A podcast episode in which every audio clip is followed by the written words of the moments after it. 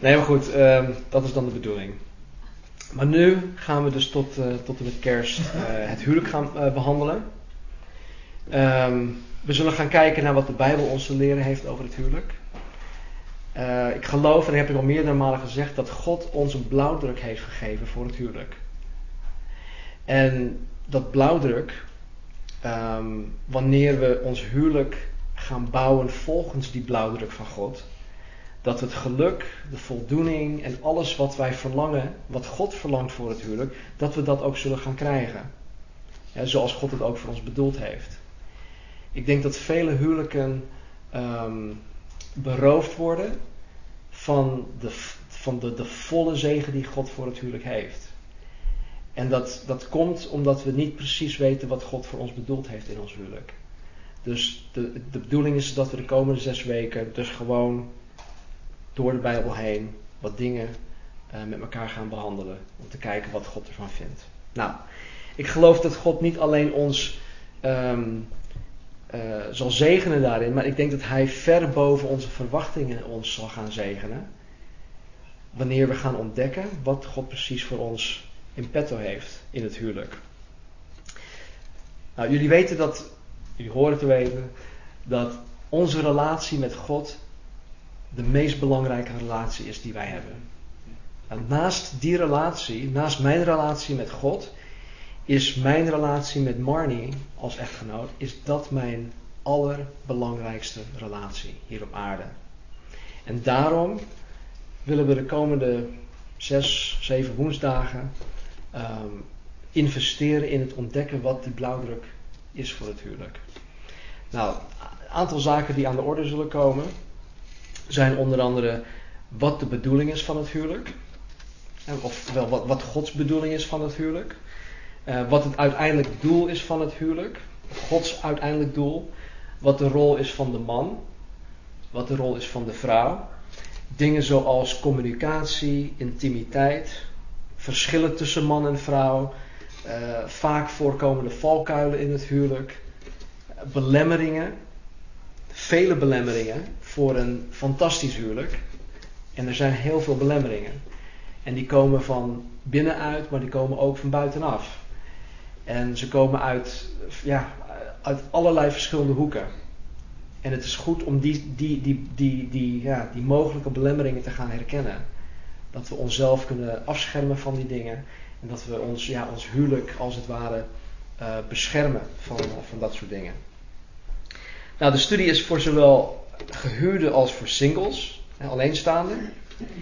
Ik denk dat echtparen die momenteel veel strijd ervaren in hun huwelijk, um, goede raad uit Gods woord zullen vinden, zullen krijgen, zullen ontvangen om de strijd te overwinnen. Echtparen die momenteel een goed huwelijk hebben, zullen door Gods woord bemoedigd worden om vooral door te groeien, om vooral door te gaan, te volharden, om hogere pieken in hun huwelijk te bereiken.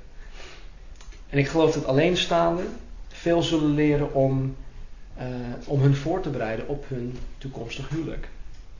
Ik denk dat de keus voor je levenspartner ook heel erg belangrijk is. En ik geloof ook dat wanneer we dit met elkaar afgerond hebben, dat de alleenstaanden onder ons een veel duidelijker beeld zullen hebben van waar moet ik eigenlijk naar kijken in mijn toekomstige partner. Eh, gaat het echt om zijn uiterlijk? Om zijn brede schouders? Of gaat het echt om iets, of gaat het om iets anders? Ja, dat doet me denken aan mijn jongenskring. Een aantal jaren geleden had ik een jongenskring en de jongens waren allemaal net 15 geworden. Of 15, 16 jaar oud. En we hadden het over um, over je vrouw. Of hè, wat, wat zou je leuk vinden? Wat, wat, ja, wat verlang jij? Wat verlang, ja, wat verlang jij in een vrouw? Precies. Ja, wat verlang jij in je, in je toekomstige vrouw? Nou, ze hadden het één voor één allemaal over uiterlijke dingen. over bepaalde rondingen en over bepaalde dingen. En blond en mooi en dit en dat. En uh, geen, geen van hun zeiden van nou, ja, ik, ik, ik verlang echt naar een vrouw die van God houdt. Of die, uh, die dit of die dat. Dus allemaal, allemaal uiterlijk. Vooral met die meisjes was het heel anders. Ja. Ja. En zo zie je al dat, ja, het, het, het, verschil tussen, tussen man en vrouw. Ook daarin zullen we, uh, zullen we uh, meer over, over gaan leren. De, de eerste twee ehm, delen, dus vandaag, vanavond en volgende week, ehm, zullen de basis vormen voor al het andere. En vandaag zal niet echt praktisch, uh, praktisch zijn, of praktisch in de zin, het zal geen praktische uitwerking hebben. Dat komt pas wanneer we de, uh, ja, gaan kijken naar de rollen en naar dingen zoals communicatie, intimiteit, verschillen en al dat soort dingen. Maar zonder deze basis kunnen we dat andere ook niet met elkaar behandelen. Dus, dus vanavond is heel belangrijk, volgende week ook. En uh, dan zal het ook echt uh, praktisch gaan worden. Nou, waar we ons op dit moment ook bevinden in onze huwelijksrelatie, ik denk dat Gods blauwdruk iets heeft voor een ieder. Dus als je zegt van joh, ik heb een geweldig huwelijk, praise the Lord. God heeft iets voor jou. Als je zegt van nou, mijn huwelijk is niet zo geweldig, praise the Lord, God heeft ook iets voor jou. Dus waar je ook staat, um, God zal iets voor ieder hebben. En mijn gebed hierin is dat, um, ja, dat God ook echt zijn gang mag gaan met een ieder van ons. En niet alleen vanavond, maar de komende weken en natuurlijk in ons, in ons huwelijk, sowieso. Nou, de afgelopen 30 jaar, misschien ook iets langer, zijn er veel boeken geschreven en gelezen over het huwelijk. Ga naar de. Ja, hier staat er eentje. Nou, dat is iets, waarschijnlijk iets langer dan 30 jaar geleden. Maar vooral in de afgelopen 30 jaar zijn er heel veel boeken geschreven en gelezen over het huwelijk. En toch zijn er vandaag de dag onder christenen ontzettend veel huwelijksproblemen. Heel veel. Het is schrikbarend hoeveel problemen christenen hebben in hun huwelijk. En in het slechtste geval eindigen ook christelijke huwelijken in echtscheiding. En dit is, dit is erg triest. En het is absoluut niet de bedoeling dat een, vooral een christelijk huwelijk in echtscheiding beëindigt. Dat is dus niet de bedoeling. Maar wat is dan wel de bedoeling? Wat is de bedoeling van het huwelijk? Wat is Gods bedoeling voor het huwelijk? Er zijn tegenwoordig heel veel ideeën over het huwelijk. Vraag het maar aan je collega's, vraag het aan je, je, je klasgenoten, je schoolgenoten, je buren. Er zijn heel veel ideeën over het huwelijk. Ideeën over hoe het, hoe het huwelijk eruit hoort te zien. Ideeën over alternatieve vormen van het huwelijk. Ideeën over het homohuwelijk, noem maar op. Er zijn veel uiteenlopende ideeën over het huwelijk. Nou, wat we in onze studie niet gaan doen, is naar al deze verschillende vormen kijken, of al deze verschillende ideeën kijken, maar we gaan ons puur bezighouden met Gods blauwdruk. Want ik geloof dat um, Gods blauwdruk ons zal laten zien waar wij onze ideeën, onze gedachten over het huwelijk moeten aanpassen, moeten bijstellen dat Gods woord dat zal, dat, dat zal doen, wanneer we naar zijn blauwdruk kijken. Um, in de States hoorde ik ooit een verhaal over um, mensen die in de financiële wereld, in de bankwereld werkten. En mensen die dus, die dus heel specifiek getraind waren op het um, herkennen van vals geld. He, dus counterfeit geld. Er, er is in de wereld heel veel vals geld in de omloop. Nou, deze specialisten, een soort uh, taskforce, die moesten dan het probleem in Amerika aanpakken. En zij werden getraind voor zes weken lang om vals geld uh, te herkennen. En voor zes weken lang, 8 tot 12 uur per dag, kregen ze alleen maar met echt geld te maken.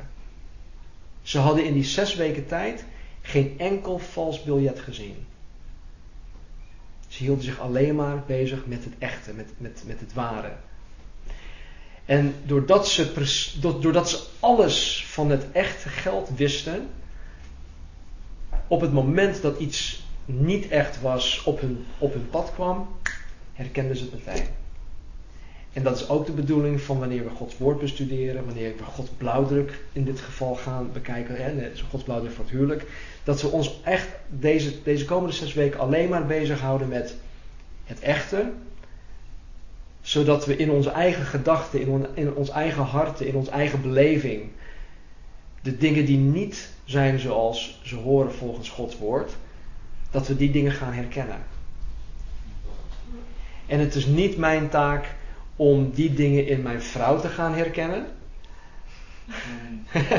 maar het is mijn taak om die dingen in mijn hart, in mijn eigen leven te gaan herkennen. Dus, wat is dan wel de bedoeling van het huwelijk? In Romeinen 12:2 staat er: Word niet aan deze wereld gelijkvormig. En we kunnen dit toepassen in, onze denk, in ons denkbeeld van hoe het huwelijk eruit hoort te zien. We hebben allemaal van de wereld de dingen die we op tv zien, de dingen die we in de magazines lezen, boeken, noem maar op. Uh, onze ouders, ooms, tantes, onze, onze, grootouders. We hebben allemaal een beeld meegekregen van hoe het, hoe het huwelijk eruit hoort te zien. Nou, veelal zijn deze beelden die we meegekregen hebben, wereldse beelden, die niet gebaseerd zijn op Gods blauwdruk. Dus waar, waar Paulus in Romeinen 12:2 zegt, word niet gelijkvormig aan deze wereld. Dat kun je ook toepassen hierop, op het huwelijk. Wees niet gelijkvormig aan de denkbeelden van de wereld over het huwelijk. Maar, Paulus zegt, word innerlijk, dus van binnenin veranderd door de vernieuwing van uw denken, uw gezindheid. Om te kunnen onderscheiden wat de wil van God is, namelijk de goede, welgevallige en volmaakte. Dus als je wil kunnen onderscheiden wat Gods goede, welgevallige en volmaakte wil is, ook voor het huwelijk, dan moeten we ons denken laten veranderen. En dat gebeurt wanneer Gods geest, Gods woord in ons plant en ons gaat veranderen.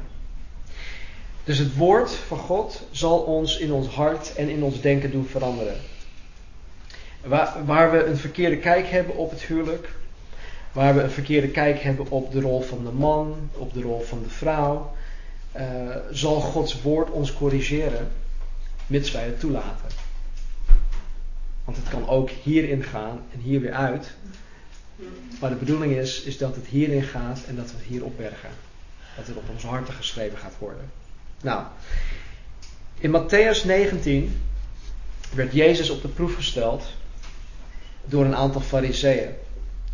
Ze stelden hem op dat moment een strikvraag over echtscheiding.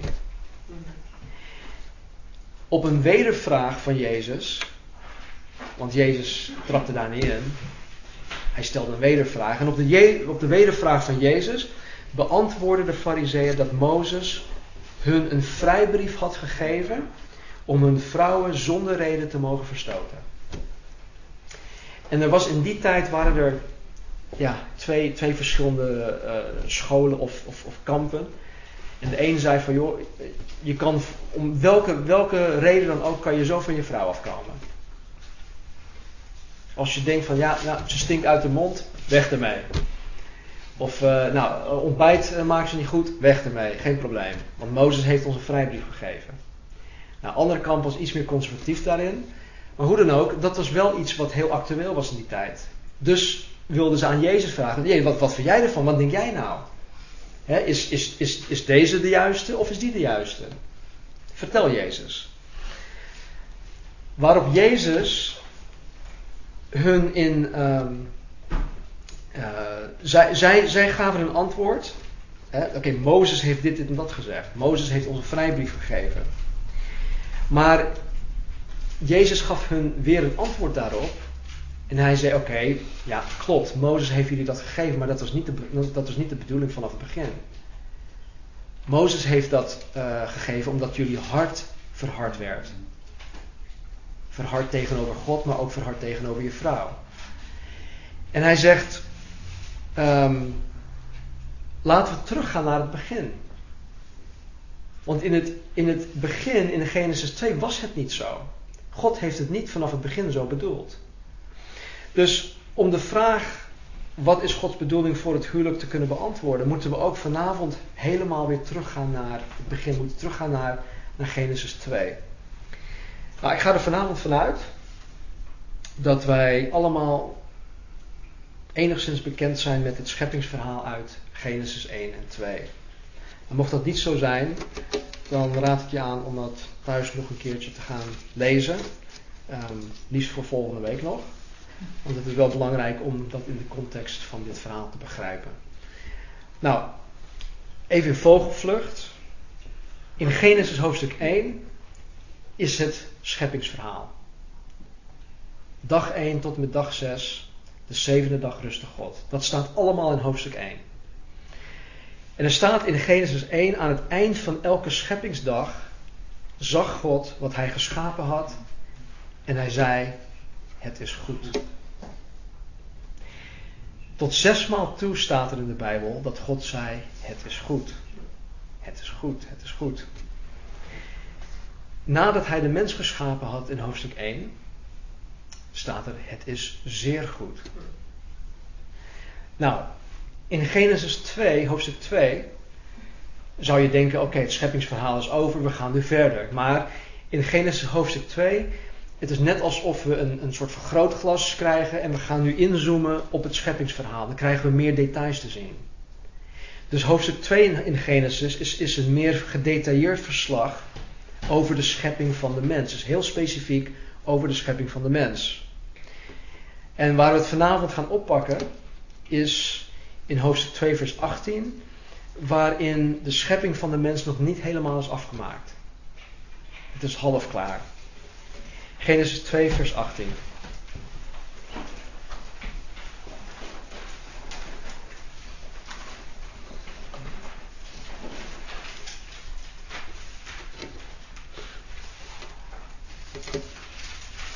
Alles was geschapen, behalve de vrouw. En God zei in Genesis 2:18: Het is niet goed dat de mens of Adam alleen is. Ik zal een hulp voor hem maken die bij hem past. Nou, op dit moment was Adam nog de enige mens die toen bestond. Adam was als mens zijnde helemaal alleen. De enige. De enige van zijn soort. Dus God zegt van de gehele schepping: Het is goed, het is goed, het is goed. En dan zegt hij: Het is niet goed dat Adam alleen is. En hij besluit voor Adam een hulp te maken die bij hem past. Nou, we zouden eigenlijk vanaf vers 18, vers 19, vers 20 over kunnen slaan. En het bij vers 21 oppakken. Het leest, het leest als volgt, als ik het zo lees. Hè? Ook sprak de Heer in vers 18: Het is niet goed dat de mens alleen is. Ik zal een hulp voor hem maken die bij, bij hem past. Vers 20.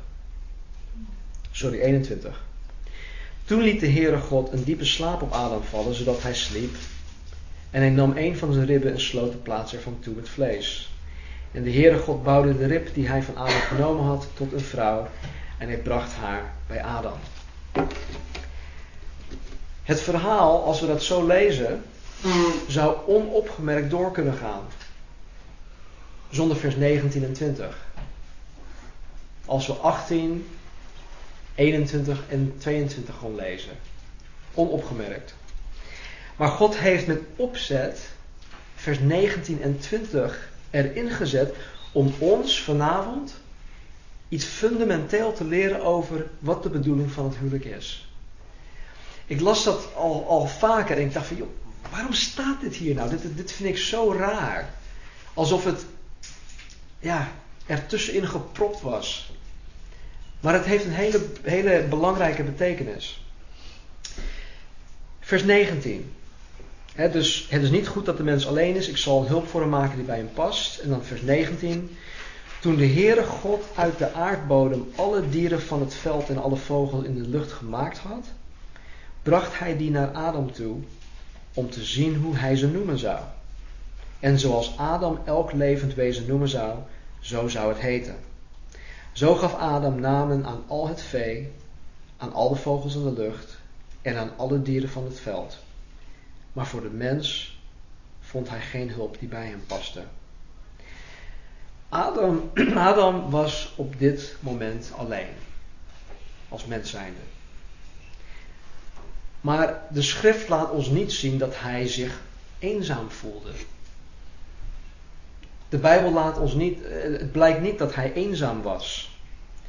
En wat doet God hier tussen vers 18 en, en, en, en 21?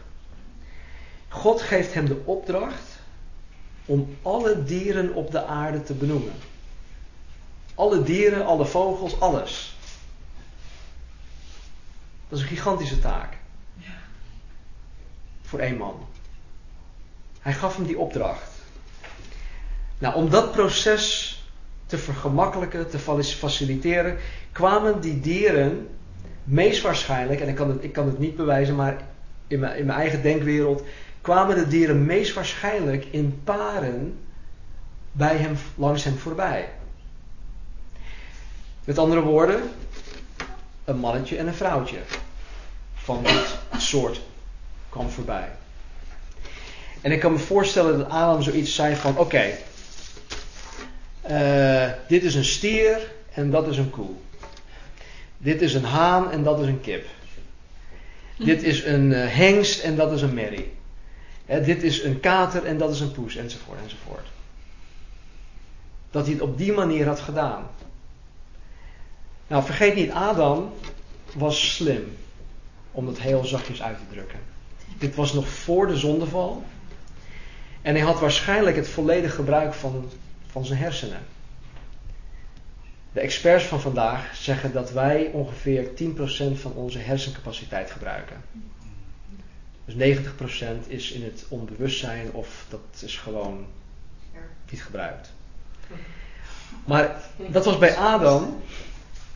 Maar dat was bij Adam waarschijnlijk niet het geval. Want dat was nog voor de zondeval. Hij was blijkbaar zeer goed in het observeren van dingen. Eh, in logica, in taal. Waardoor hij gauw genoeg doorhad dat in het dierenrijk zij allemaal een gelijke hadden die bij hen paste. Mannelijk en vrouwelijk. Een mannetje zebra en een vrouwtje zebra. Die passen bij elkaar. Je hebt geen olifant en een zebra. Of twee mannetjes zebra's. Nee, je hebt, het, het, ze pasten bij elkaar. En hij had dat waarschijnlijk gauw genoeg door. En ik kan me ook een beetje voorstellen dat toen de rij van die dieren langs hem heen hè, zou komen, uh, dat, dat die rij korter begon te worden, dat Adam zoiets van had van, wauw, die rij die wordt korter, ik zie het eind al. Dat, dat, dat. Ja, maar ik zie eigenlijk niets dat een beetje op mij lijkt. Het zijn allemaal viervoeters en uh, met, met vleugels en met dit en dat. Niets lijkt echt op mij. En toen de laatste dieren hem passeerden, kan ik me ook voorstellen dat Adam wist wat God reeds wist, waarvan God zei: Het is niet goed. Het is niet goed dat Adam alleen is. Nou, Adam, geloof ik, werd door deze opdracht bewust van zijn eenzaamheid. Hij zag alle dieren in paren voorbij gaan. Mannelijk, vrouwelijk. En er was niemand die bij hem paste.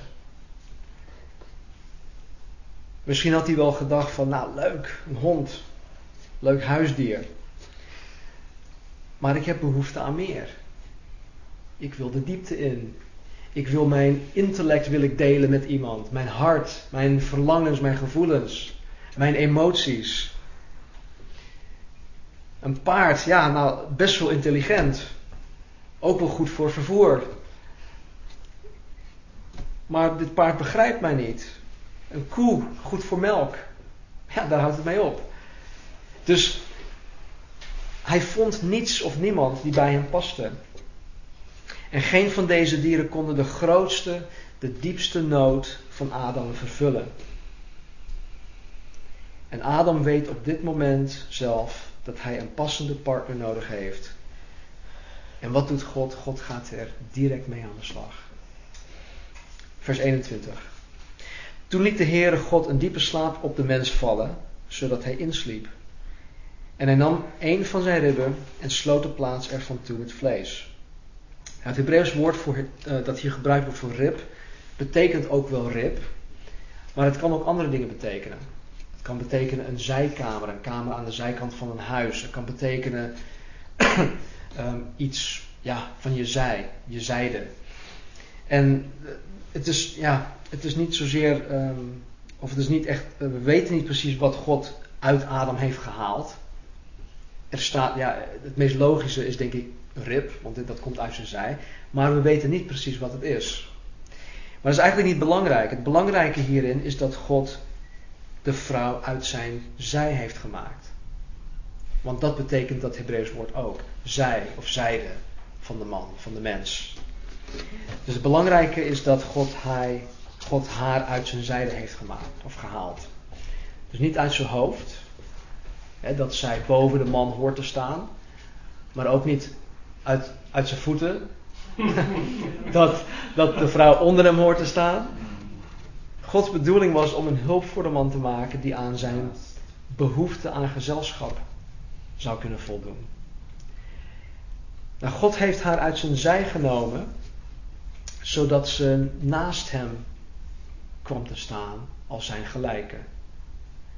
God heeft haar van dicht bij zijn hart genomen, zodat hij haar altijd zou koesteren.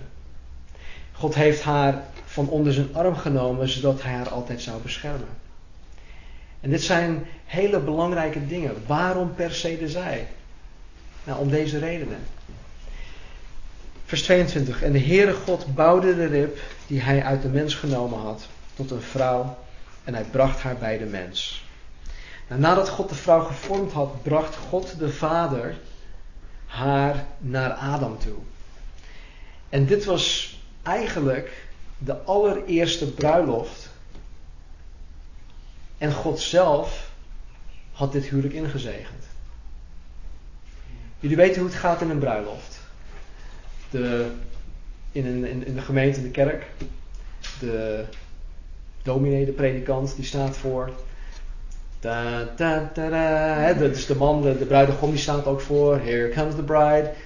Wie loopt meestal met de bruid naar voren? Nou, als de vader nog leeft, dan is het de vader die zijn dochter weggeeft.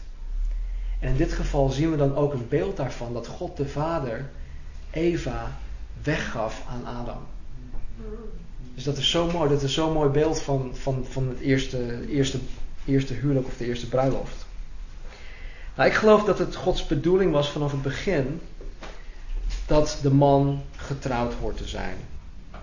Nou, we lezen uit de Bijbel en we zien niets over uh, enige suggestie die Adam misschien had gegeven. Van uh, misschien moet u een vrouw voor mij maken. Het was niet Adams idee. Het was puur Gods initiatief. En God had het gepland en hij had het ook uitgevoerd. Nou, hier is de oplossing. De oplossing voor de diepste nood van Adam. De oplossing voor zijn behoefte aan een metgezel. Wat was de oplossing? De vrouw. Eva. De oplossing was de vrouw. Vers 23. Toen zei Adam, de mens, deze, dus de vrouw Eva, deze is ditmaal been van mijn beenderen en vlees van mijn vlees. Deze zal manin genoemd worden, want uit de man is zij gekomen. Nou, dit been van mijn beenderen, vlees van mijn vlees, dat is iets dat we vandaag de dag niet meer gebruiken. Maar het is als het ware, hij was het zo zat van al die dieren. Hij ziet in één keer een vrouw die op hem lijkt met twee benen, twee armen, een hoofd, mooie ogen en die kan praten en die een brain heeft en uh, die er waarschijnlijk ook heel mooi uitzag. Ze is precies als, als, als ik of mij, hoe zeg je dat? Ze is precies als? Ik. Ik, oké, ze is precies als ik. Ze is mijn gelijke. Dus been van mijn benen en vlees van mijn vlees. Nou, ik vind het mooi dat Adam meteen herkent dat zij geheel anders is dan al de dieren uit het dierenrijk. Ik denk niet dat het zo moeilijk zou zijn om dat te herkennen, maar ik vind het wel mooi dat, dat, dat hij ziet dat, zijn gelijke, dat zij zijn gelijke is. Hij noemde haar niet zoals hij de dieren had benoemd. Hij kreeg de opdracht van God: geef alle dieren een naam. Stier, koe, haan, kip, he, merrie, hengst, nou noem maar op. Um, dat soort dingen. Wat hij hier doet is heel, is heel iets anders. Hij gaf haar zijn eigen naam. Zijn naam is Adam, of man, mens. En hij noemde haar manin. Nou, dat wordt dan in, vertaald als Eva. Maar het is eigenlijk gewoon man en manin. En, en hij noemde haar, hij gaf haar zijn naam. Nou, in de oude wereld liet de mens zien dat hij de heerschappij over iets had door het te benoemen. God gaf de heerschappij over de aarde aan Adam. En daarom uh, gaf hij hem ook het recht om alle dieren te mogen benoemen. Dus Adam had heerschappij over de hele wereld. Maar toen Eva bij hem gebracht werd, wist Adam dat hij geen heerschappij over haar had. Hij hoorde niet haar meester te zijn, maar dat zij zijn gelijke was. Wat God gedaan had toen hij Eva schiep was, was uniek. Once in a lifetime. Once ever. God heeft de vrouwelijke dieren niet op deze manier geschapen. Eva werd uit Adam genomen terwijl hij sliep en werd vervolgens met Adam herenigd door middel van de bijzondere huwelijksrelatie. Ze werden weer herenigd. Nou, als Gods primaire bedoeling van het huwelijk gezelschap is, zoals het hier ook staat, hoe scoren wij als de metgezel van onze echtgenoot of echtgenote? Hoe scoor ik daarin? Ik ben er de afgelopen tijd meer bewust van geworden. En dat, ja, dat krijg je als je als je, verdiept in, in, in dit soort studies. En ik had, ik had het Marnie bewust niet voor vanavond gevraagd. Maar dat zal ik, zal ik na vanavond gaan doen. Maar denk even, even na over je eigen persoon als metgezel van je man of vrouw. Wat is een metgezel? Iemand die, waarmee je gezelschap houdt of zoiets. Het is meer dan dat. Als ik naar mijn eigen huwelijk kijk, dan moet ik mezelf een aantal vragen stellen. Dan moet ik mezelf vragen: hoeveel tijd besteed ik aan het, aan het gezelschap houden van mijn vrouw? Wij zijn heel vaak samen in ons huis. En dan ben ik of boven bezig en zij is met het huishouden bezig. Boven, beneden, boven, beneden. En dan zitten we in hetzelfde huis, Vliervat 120. Maar we leven langs elkaar heen. Omdat ik zo druk bezig ben met mijn ding. En zij noodgedwongen ook heel druk bezig is met haar ding. En dan hebben we momenten in, onze druk, in ons druk bestaan dat we ervoor kiezen om even niks te doen. En dan ben ik als man zijnde, als mens zijnde heel gauw geneigd om nog steeds mijn eigen ding te doen. Omdat ik nog even dit wil doen of dat wil doen. Want dan ben ik niet hiermee bezig, maar dan ben ik even met mezelf bezig. En dan ben ik geneigd om nog steeds achter mijn computer te zitten. Gisteravond was een perfect voorbeeld. We gingen hier weg.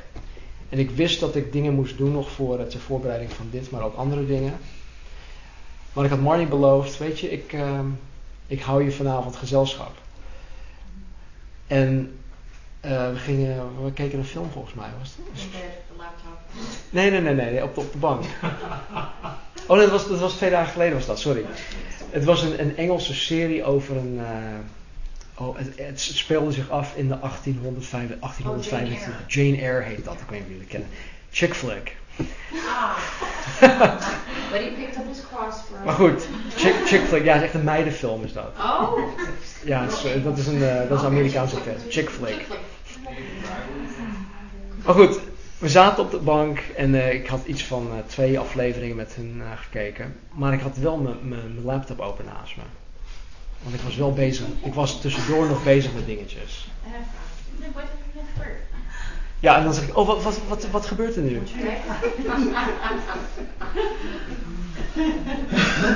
Als ik even aan dat moment kijk, als ik daar een foto had van gemaakt en echt een momentopname, dan kan ik niet met een, met een, met een, een, een, ja, een zuiver geweten zeggen van joh, ik was er helemaal bij. Dus ja, mijn gezelschap was minder dan wat het hoorde te zijn. Mijn aandacht was er niet bij. En weet je, ik, het is niet alleen op dat soort momenten, maar uh, ik zit veel te veel of veel te vaak met mijn neus achter mijn computer. En dan zegt Marnie iets tegen me. Ik geef een antwoord. Even later komt ze terug op die vraag of op wat ze gezegd heeft. Waar heb je het over? Is het hierin gegaan, daaruit? Mijn aandacht was er niet bij. Nou, dat bedoelen we nou. Hoe scoor ik als metgezel van Marnie met dit soort dingen?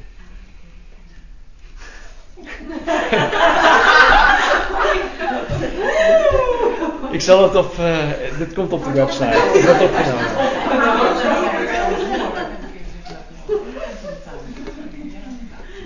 Hé, hey, maar dit is maar één voorbeeld, hè? Is mijn computer. We kunnen ook aan de telefoon hangen. Dat is een goed voorbeeld. Maar ze zat de krant te lezen en die zei dat hij altijd alle vragen hoorde. En dat hij, dat hij dus gewoon door kon lezen met de krant. Terwijl hij ook wist wat ik zei. Ik zei een keer, er loopt de roze olifant in de tuin. Toen zei hij ook ja. Ja.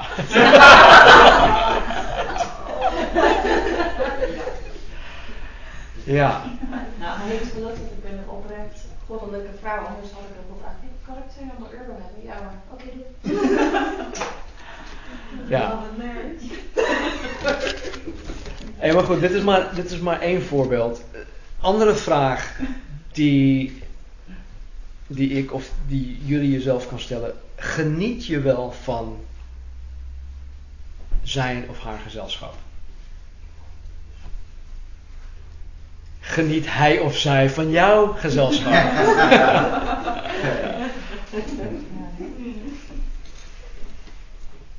Vraag aan je echtgenoot of jij een goede metgezel bent.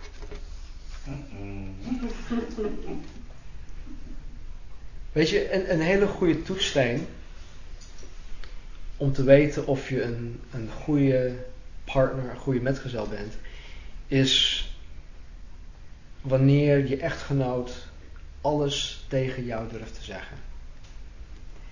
En dan heb ik het niet over uh, grove dingen of uh, uitlatingen of uh, woede, uitbarstingen, maar dingen die hier opgesloten zitten. Is er schroom? Durf ik alles tegen Marnie te zeggen?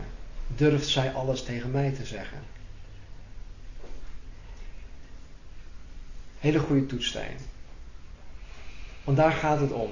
Wij, God zag in Adam de diepe nood om zijn hart, zijn leven, zijn gevoelens, zijn gedachten, zijn, zijn dromen, om alles met iemand te delen.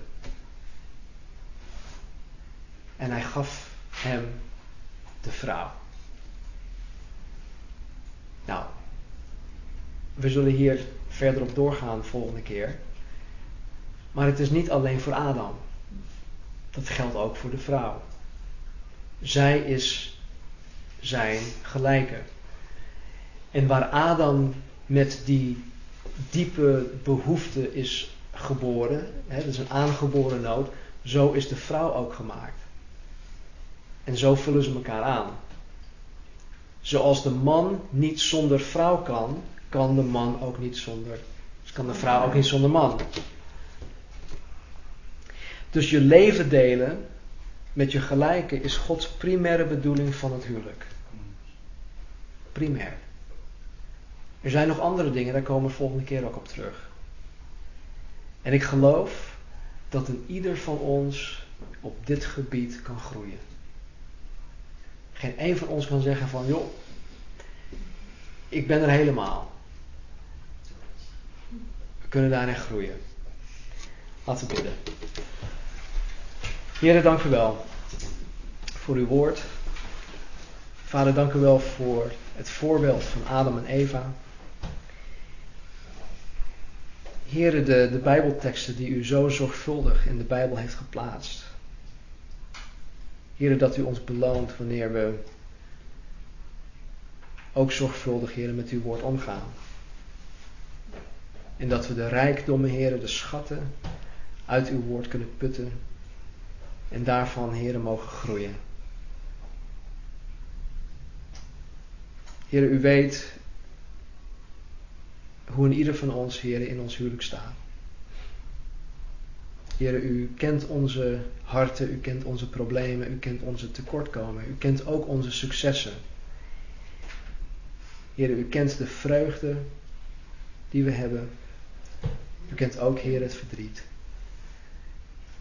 En Vader, uw primaire bedoeling voor het huwelijk, Heer, is om een metgezel te zijn voor elkaar.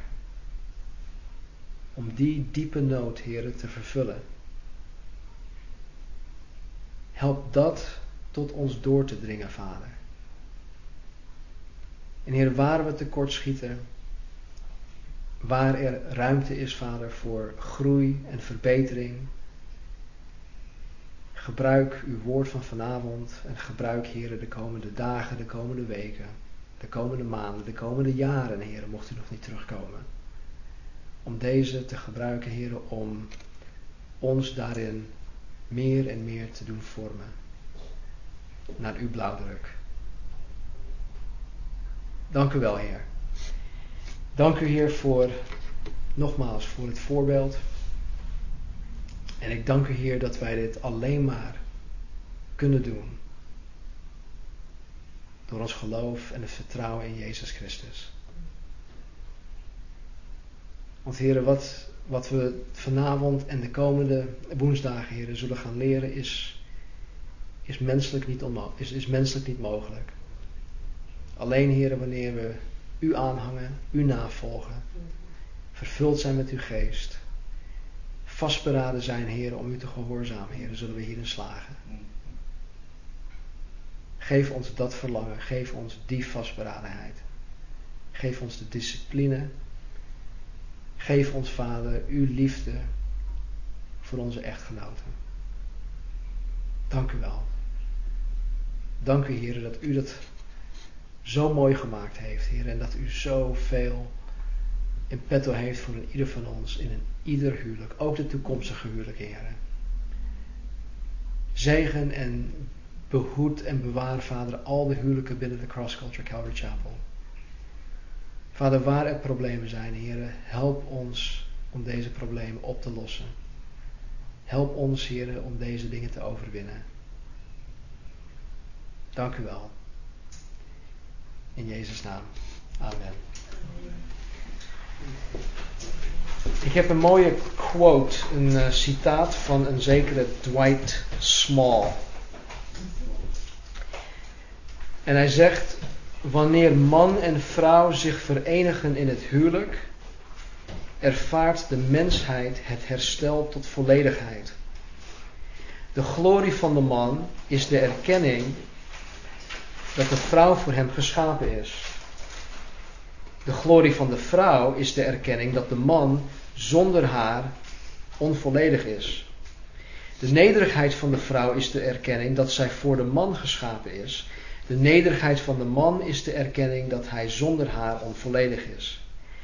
Beiden nemen deel aan gelijkwaardige eer en waarde. Ja, en ieder deelt de nederigheid ten overstaan van de ander.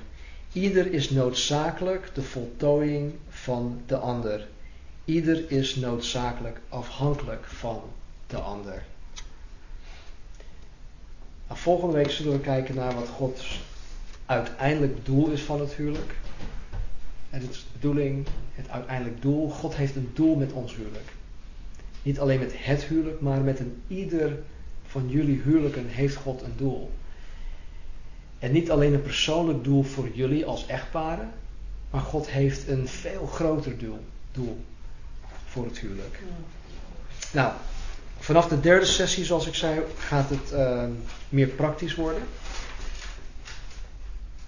Dus waar het nu misschien nog een beetje abstract is, wees geduldig. Over twee weken wordt het meer praktisch.